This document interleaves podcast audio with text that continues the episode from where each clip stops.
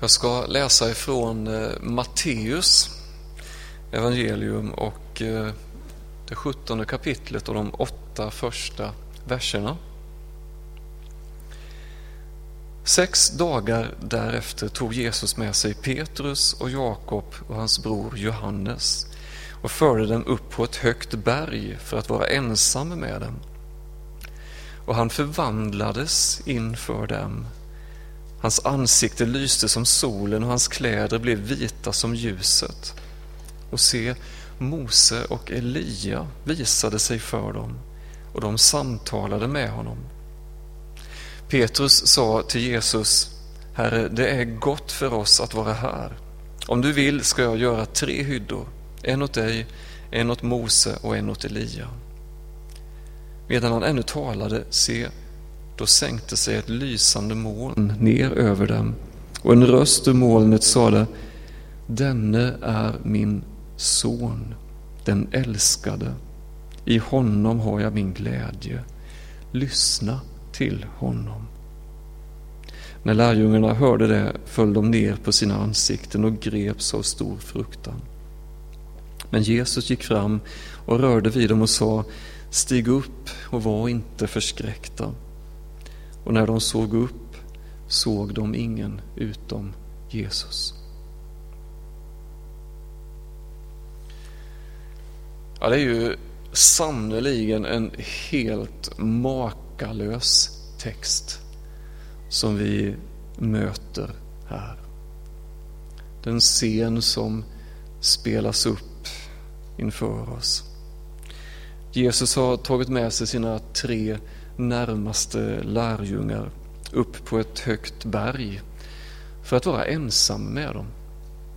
Och bara en sån sak är ju helt fascinerande. Men när de är där så berättas det om hur Jesus förvandlas inför dem. Ansiktet förvandlas, börjar på något sätt lysa.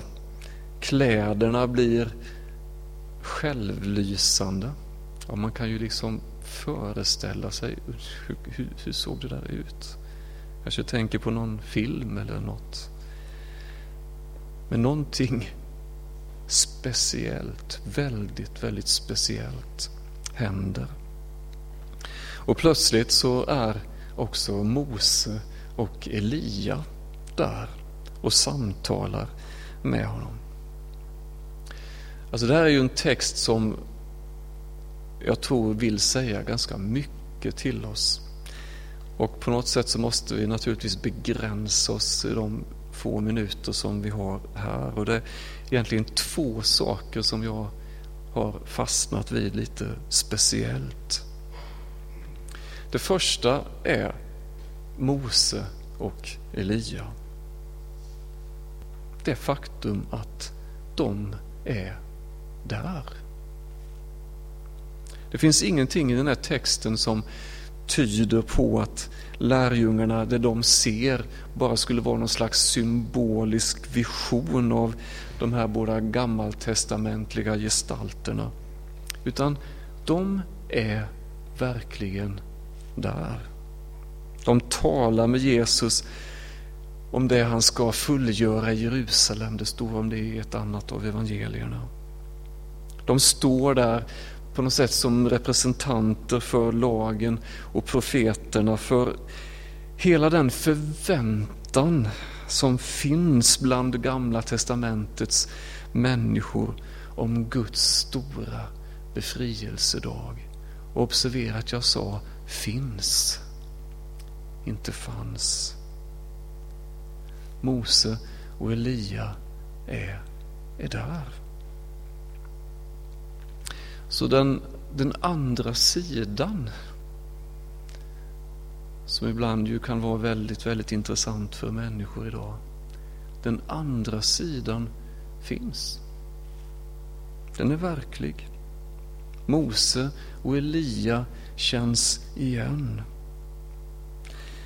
Och exakt hur det där fungerar, det vet vi inte. Och Bibeln är ju väldigt, väldigt tydlig med att vi inte har mandat för att syssla med kontakt med de döda. Det är en värld som vi inte har insyn i och som vi därför måste lämna åt Gud. Men det är en värld som finns. Och det är uppmuntrande, hoppingivande. Den stora saken här är ju uppståndelsen som vi väntar på. Den som Jesus stadfäste när han besegrade döden. En uppståndelse som är lik den han hade. Något som ännu ligger framför, men som är ett väldigt, väldigt levande hopp. Och för lärjungarna så var det här som hände naturligtvis helt enormt. Att möta Mose och Elia på riktigt. Gestalter som de har läst om, hört om och som var en sån totalt integrerad del av deras tro, deras kultur, deras vardag. Och ändå,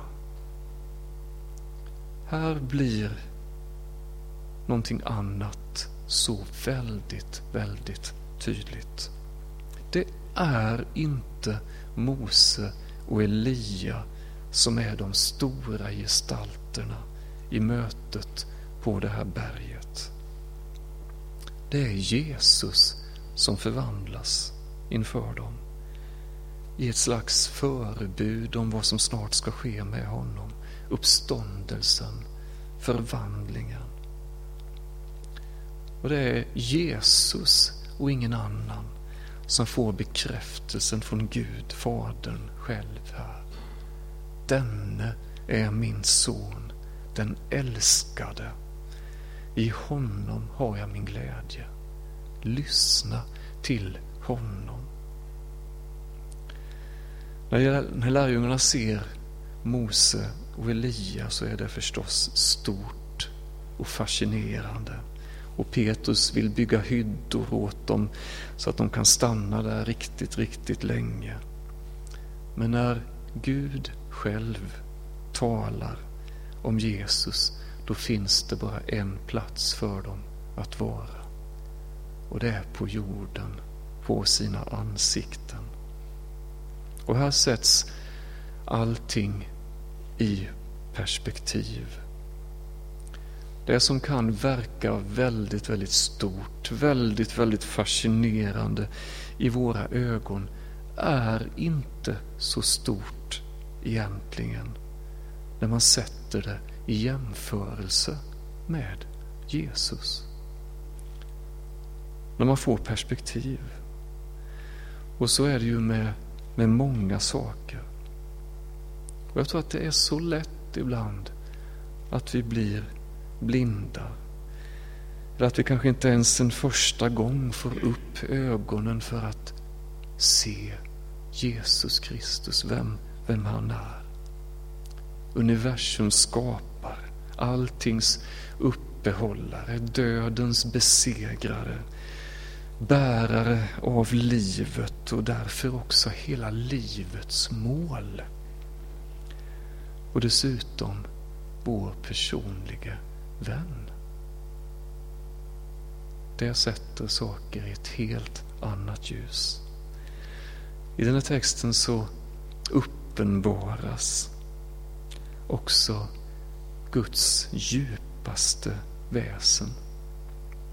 Det här stora mysteriet egentligen.